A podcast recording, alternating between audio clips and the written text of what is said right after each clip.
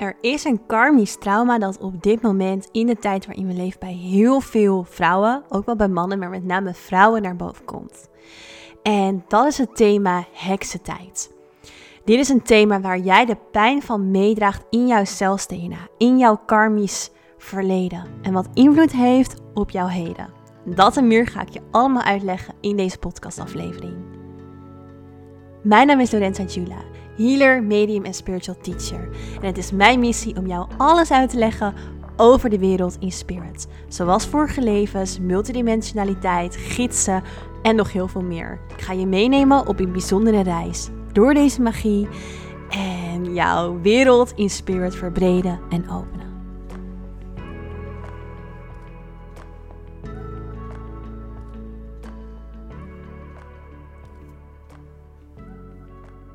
Aho, welkom terug in Spirit in deze podcast.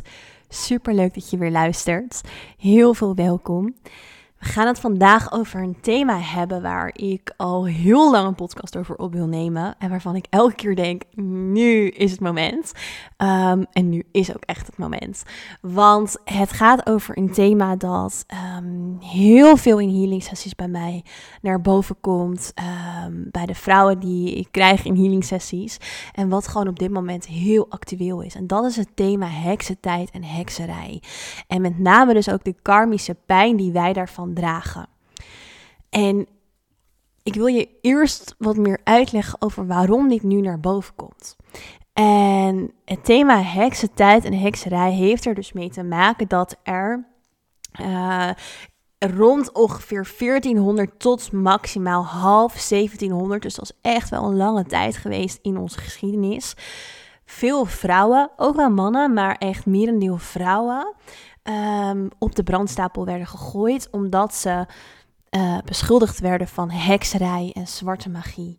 En um, dat heeft ermee te maken dat de kerk, die op dat moment natuurlijk heel sterk uh, zijn macht had, gelooft dat deze vrouwen te maken hadden met de duivel en dat dit uh, ja, zoveel mogelijk verbannen moest worden.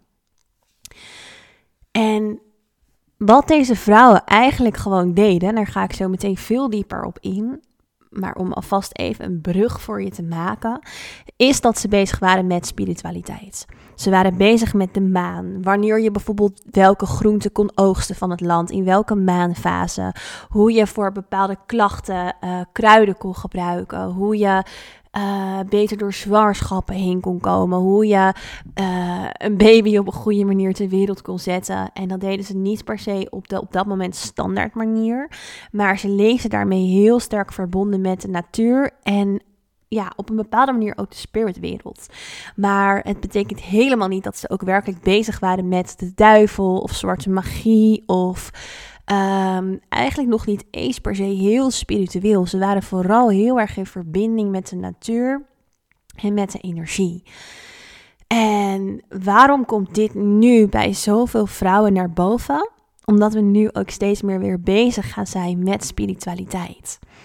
En het is zo dat wij karmische dingen meedragen in ons zielsDNA. Dus de ziel die komt in meerdere incarnaties. Incarnatie betekent van vlees worden, wordt dus meerdere keren mens. Ziel is, je ziel is energie. Wordt mens, krijgt een menselijke ervaring om daarvan te leren. En die ervaringen die neemt het mee in zijn groeiproces. En die slaat het daarin op. En die ervaringen die kunnen dus van invloed zijn op jouw volgende levens. Dus in dit geval je leven nu, uh, staat in verbinding met het leven wat jij hebt geleid in de heksentijd. Waarom we nu meer met spiritualiteit bezig zijn, is onder andere, en daar heb ik het al heel veel over gehad op de podcast, dus ik ga daar niet heel diep op in, in deze aflevering, maar omdat we in een ascensieproces zitten. Ascensieproces is de aarde die haar trilling aan het verhogen is.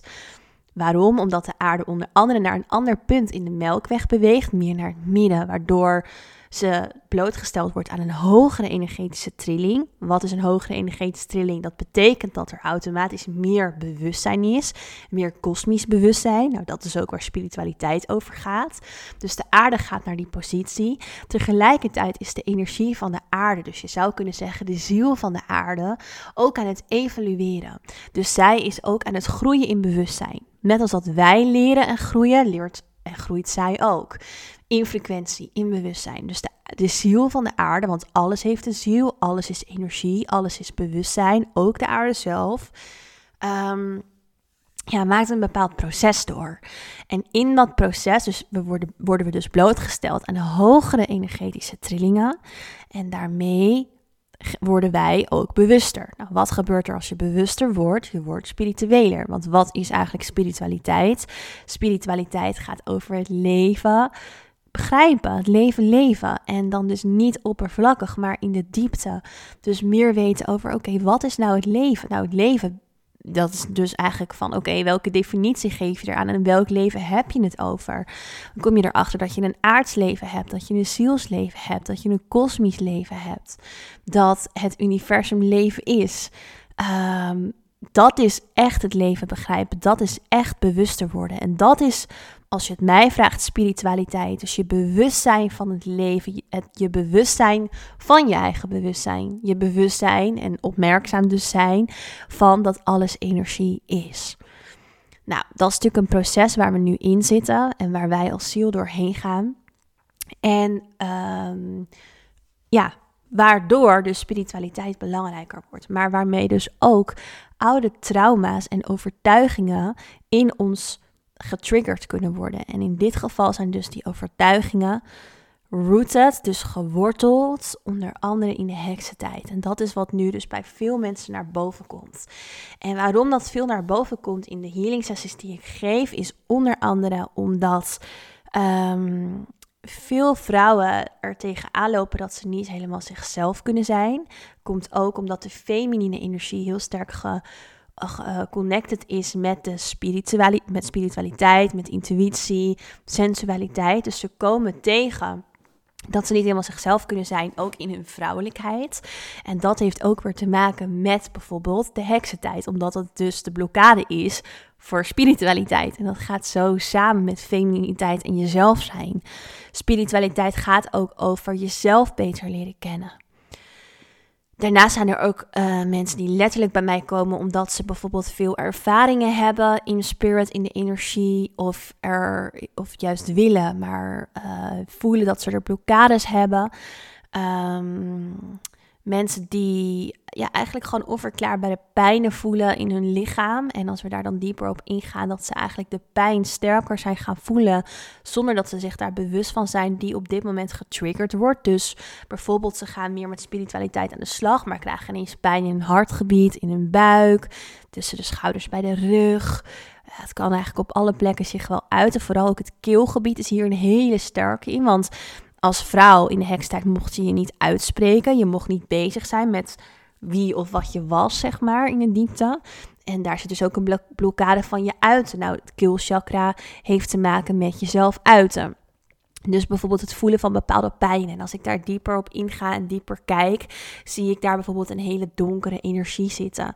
En die, als we daar dus dieper mee op ingaan en mee in gesprek gaan, eigenlijk geworteld is in de het karmische stuk of het karmische bagage is wat je met je meedraagt vanuit de hekstijd. Nou, als je je vasthoudt aan dat karmische patroon, uh, aan, dat aan de karmische pijn die voortkomt uit de heksentijd, dan zou dat eruit kunnen zien als bijvoorbeeld een angst dat je uh, te woehoe bent, bijvoorbeeld. Dus dat je te spiritueel zou zijn. Misschien heb je een angst waarin je niet gelooft in je eigen kracht. Dus eigenlijk het kleiner maken van jezelf. En dan heb ik het niet per se alleen over je spirituele kracht. Ook, dus ook jouw spirituele gift, jouw spirituele connectie. Maar ook uh, gewoon überhaupt je eigen kracht. Want ja, het leven, spiritualiteit is onze kracht, is onze essentie. Dus als dat er niet mag zijn door het karmische stuk wat jij met je meedraagt. Karmisch betekent trouwens dus energie, uh, patronen uit een vorig leven. ja, dan kan je dus niet jezelf zijn. En dan uh, geloof je niet in je eigen kracht. Dus dat, dat kunnen uitingen zijn van de hekstijd. Uh, wat nog meer? Uh, je spiritualiteit verstoppen of het dus niet helemaal erkennen. Zelf voor mij ook een belangrijke geweest dat ik me heel erg aangetrokken voelde tot spiritualiteit, er heel graag mee bezig wilde zijn, maar me ervoor schaamde. Dus um, ik, vond, ik dacht dan echt dat andere mensen het heel raar vonden. En me erover zouden veroordelen, letterlijk. Dus als heks ben je erover veroordeeld. En ik had ook echt een enorme angst dat mensen me erover zouden veroordelen. Nou, een angst voor de spiritwereld kan ook geworteld zijn in een karmisch verleden in de hekstijd. Um, dat je heel graag normaal wilt zijn, wilt worden begrepen. Nou ja, dus ook weer een beetje die angst voor afwijzing, voor veroordeling. En dus wat ik net al een beetje aanhaalde, moeite van, of moeite om je femininiteit er te laten zijn. Dus dat zijn wat voorbeeldjes die zich kunnen uiten, uh, of wat uitingen kunnen zijn van dus een pijn in de heksentijd. Nou ja, als we dus kijken naar die heksentijd, naar hoe dat er een beetje uitzag, was, is dus dat het uh, tussen ongeveer 1400 en 1700 heeft plaatsgevonden. Ik geloof, ik heb het een tijd geleden een keer opgezocht, dat de laatste heksenvervolging was in 1750. Um, ehm, en ja, de meeste vrouwen die veroordeeld waren, waren wat oudere vrouwen. Dus um, ja, niet per se jonge meiden. Kan wel, maar gemiddeld waren het wat oudere vrouwen. Ze waren vaak arm, dus wat lager in de stand, zeg maar. Uh, niet per se van adel of uh, elite of hoe je dat toen ook noemde. Dus ze waren wat armer. Ook veel vrouwen waren weduwen. Uh, dat zie ik ook heel veel terug als ik inzoom op, of als ik eigenlijk de levens bekijk en zie in die healing. Waren vaak de vrouwen, of dan waren de mensen in dat leven dus vaak ook al weduwe. Um, ja, en wat ik dus ook al een beetje aanhaalde, is dat het vaak vrouwen waren die juist heel erg bezig waren met natuur. Dus het waren natuurgenezers, uh, ze waren bezig met uh, kruiden of met zwangerschappen en dat werd dus al veroordeeld. En ze dachten dus dat heksen een soort pact hadden met de duivel. Dus dat zij echt samenwerkten met de duivel. En wat er gebeurde is dat vrouwen, nou ja, het is een heftig onderwerp om over te praten, maar ja, werden gemarteld en dat ze pijn te verduren kregen. En ze werden bijvoorbeeld, er waren bijvoorbeeld allerlei proeven die ze moesten doorstaan. Dus um, bijvoorbeeld een, een, uh, hoe heet het, een, uh, een waterproef waarin Um, de vrouwen werden vastgebonden en als je zonk, ik moet het goed zeggen, ja, als je zonk, dan werd er geloofd dat je geen heks was en dat God je wel zou redden. Nou ja, dat gebeurde natuurlijk niet. Uh, dus dan verdronk je eigenlijk. Of soms werd er wel ingegrepen en werden vrouwen wel uit het water gehaald. Um, maar volgens mij werden ze dan alsnog bestraft. Um, en als je bleef drijven, dan geloofden ze sowieso dat je een heks was en dan kwam je op de brandstapel. Dus eigenlijk was het geen van beide goed. Dus het waren gewoon zware martelingen waarin je eigenlijk geen kant op kon. En dat betekent dus dat ook heel veel vrouwen al voor die proef of na die proef om andere martelingen te besparen bekenden. Of andere mensen aanwezen die ook gemarteld werden. Um, ja, waardoor ze eigenlijk gewoon, als je eenmaal ervan beschuldigd werd, echt geen kant meer op kon. Nou, rond ongeveer 1600, of nee, halverwege 1600, kreeg op een gegeven moment de elite, uh, die toen natuurlijk heel veel bepaalde, een andere kijk op dingen. Want ik ben me gaan verdiepen van, oké, wanneer was dan het omslagpunt? En zijn mensen toen bijvoorbeeld wel verder gaan met spiritualiteit? Maar wat je eigenlijk ziet is dat dat niet per se het geval is. En eigenlijk juist het tegenovergestelde gebeurde. Dus de elite, die dus ook heel erg aanhangers waren van het geloof geloofde er op een gegeven moment in dat um, onstoffelijke wezens, dus spirits, entiteiten, et cetera, niet bestonden. Dat er echt werkelijk alleen maar God was. En daarmee ja, lieten ze dus eigenlijk ook een stukje hekserij los. Want als er alleen God is, dan bestaat er geen duivel en dan bestaat er alleen maar God. En kan hekserij dus eigenlijk niet bestaan. Natuurlijk had het wel een bepaalde um, nasleep. Dus het is niet zo dat het in 1600, half 1600 stopte. Want wat ik al zei, het is ongeveer tot 1700, 1750 uh, geweest dat heksen vervolgd werden. Maar dat is wel het omslagpunt geweest. Ehm, en dat vond ik zelf een interessante, omdat dat dus eigenlijk betekent dat ehm, ja, het bewustzijn, het ontkenningsstuk gewoon nog steeds. Uh, de heksentijd was natuurlijk heel erg vanuit angst.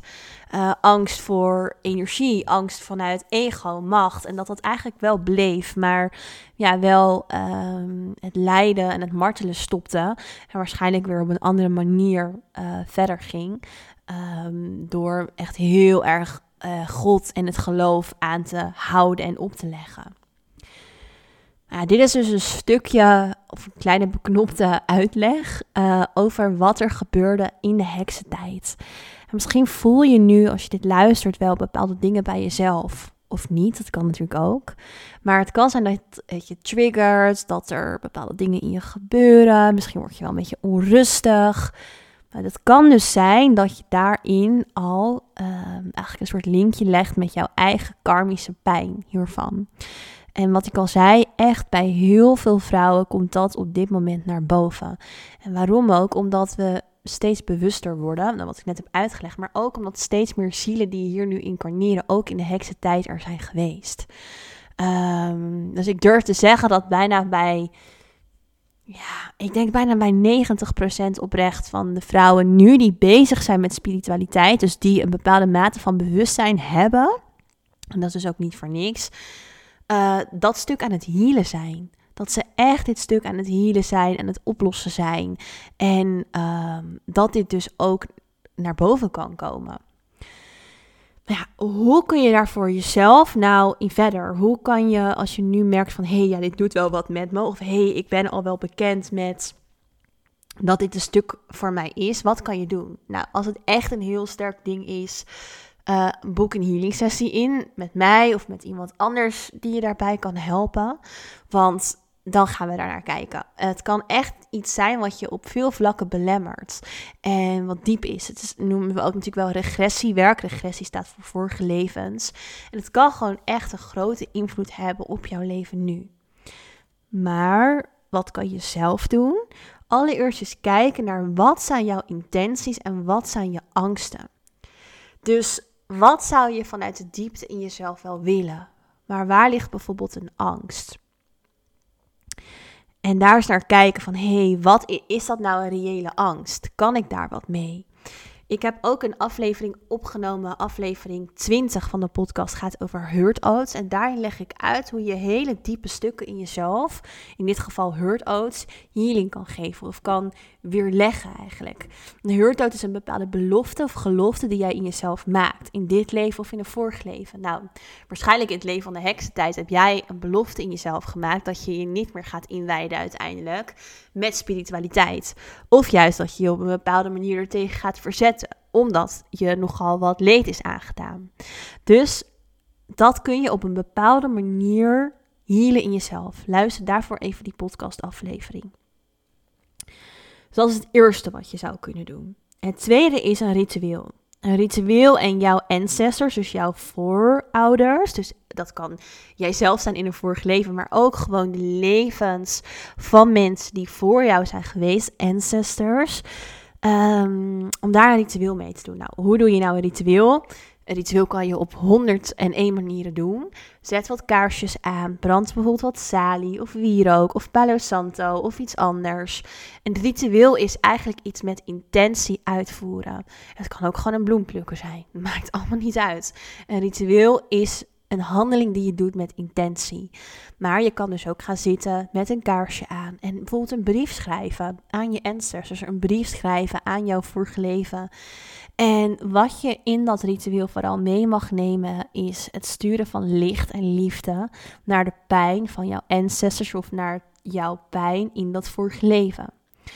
En daarmee mag je bijvoorbeeld de woorden uitspreken: Ik erken jullie pijn. Jullie pijn is mijn pijn. Maar ik laat deze pijn los. Ik doorbreek deze pijn in vertrouwen.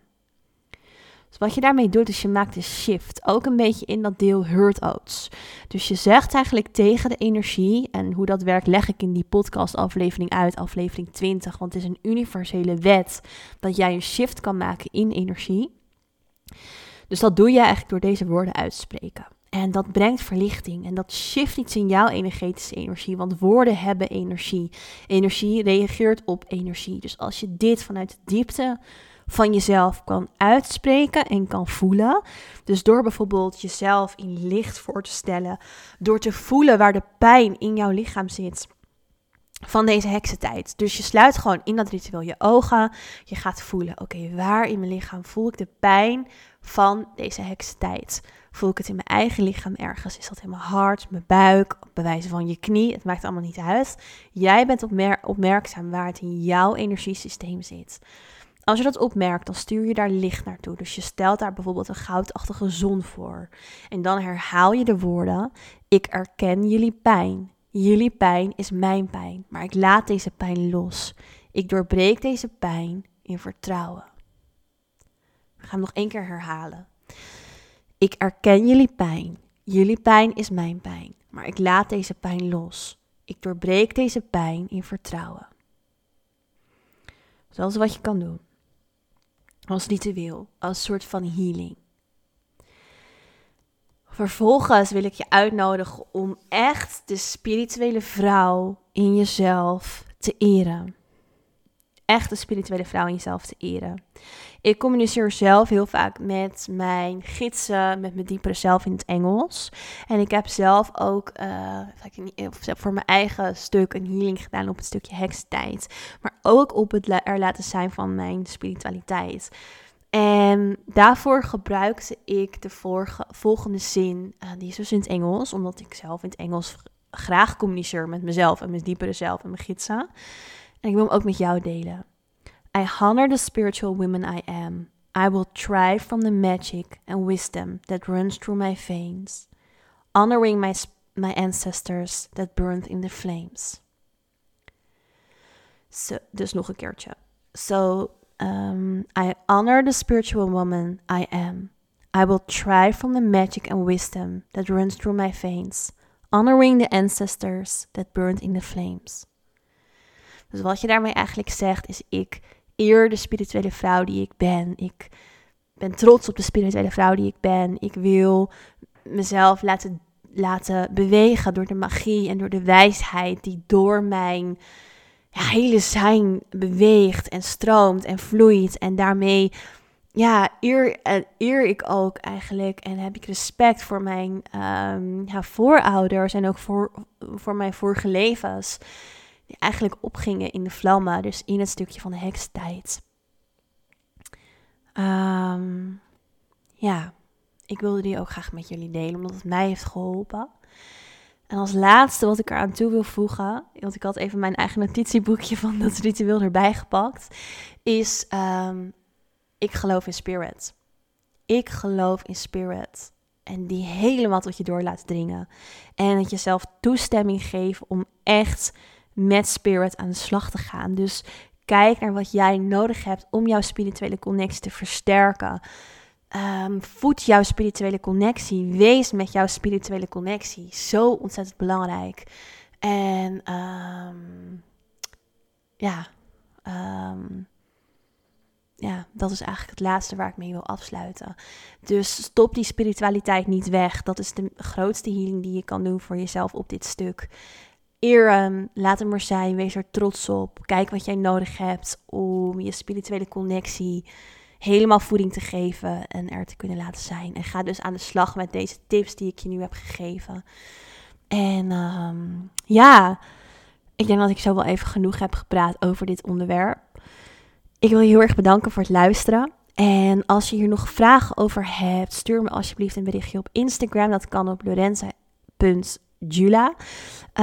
Um, en wat ik, ik heb het idee om, natuurlijk een beetje afhankelijk van wanneer je deze podcast luistert, maar anders zal ik ook uh, het op Instagram wel delen, is om hier binnenkort dus een healing op te doen. Een groepshealing waar je gratis aan mee kan doen. Of ik ga een speciale healing sessie opnemen die je elk moment kan doen, die ik ergens op mijn Instagram ga plaatsen. Dus ook voor degene die deze podcast misschien een jaar later luisteren, kan je dan een healing sessie doen. Stuur me alsjeblieft een DM berichtje als je er uh, van op de hoogte wil blijven. Want dan, uh, ja, of volg mijn stories, dan zie je het ook. En ik zou het natuurlijk super fijn vinden als je deze aflevering zou willen delen met vrienden die hier ook iets aan kunnen hebben. Of uh, op je Instagram in je stories zou helemaal te gek zijn. Zorg ervoor dat je mij even tagt, want dan kan ik jouw berichtje ook weer delen, omdat ik het dan kan zien.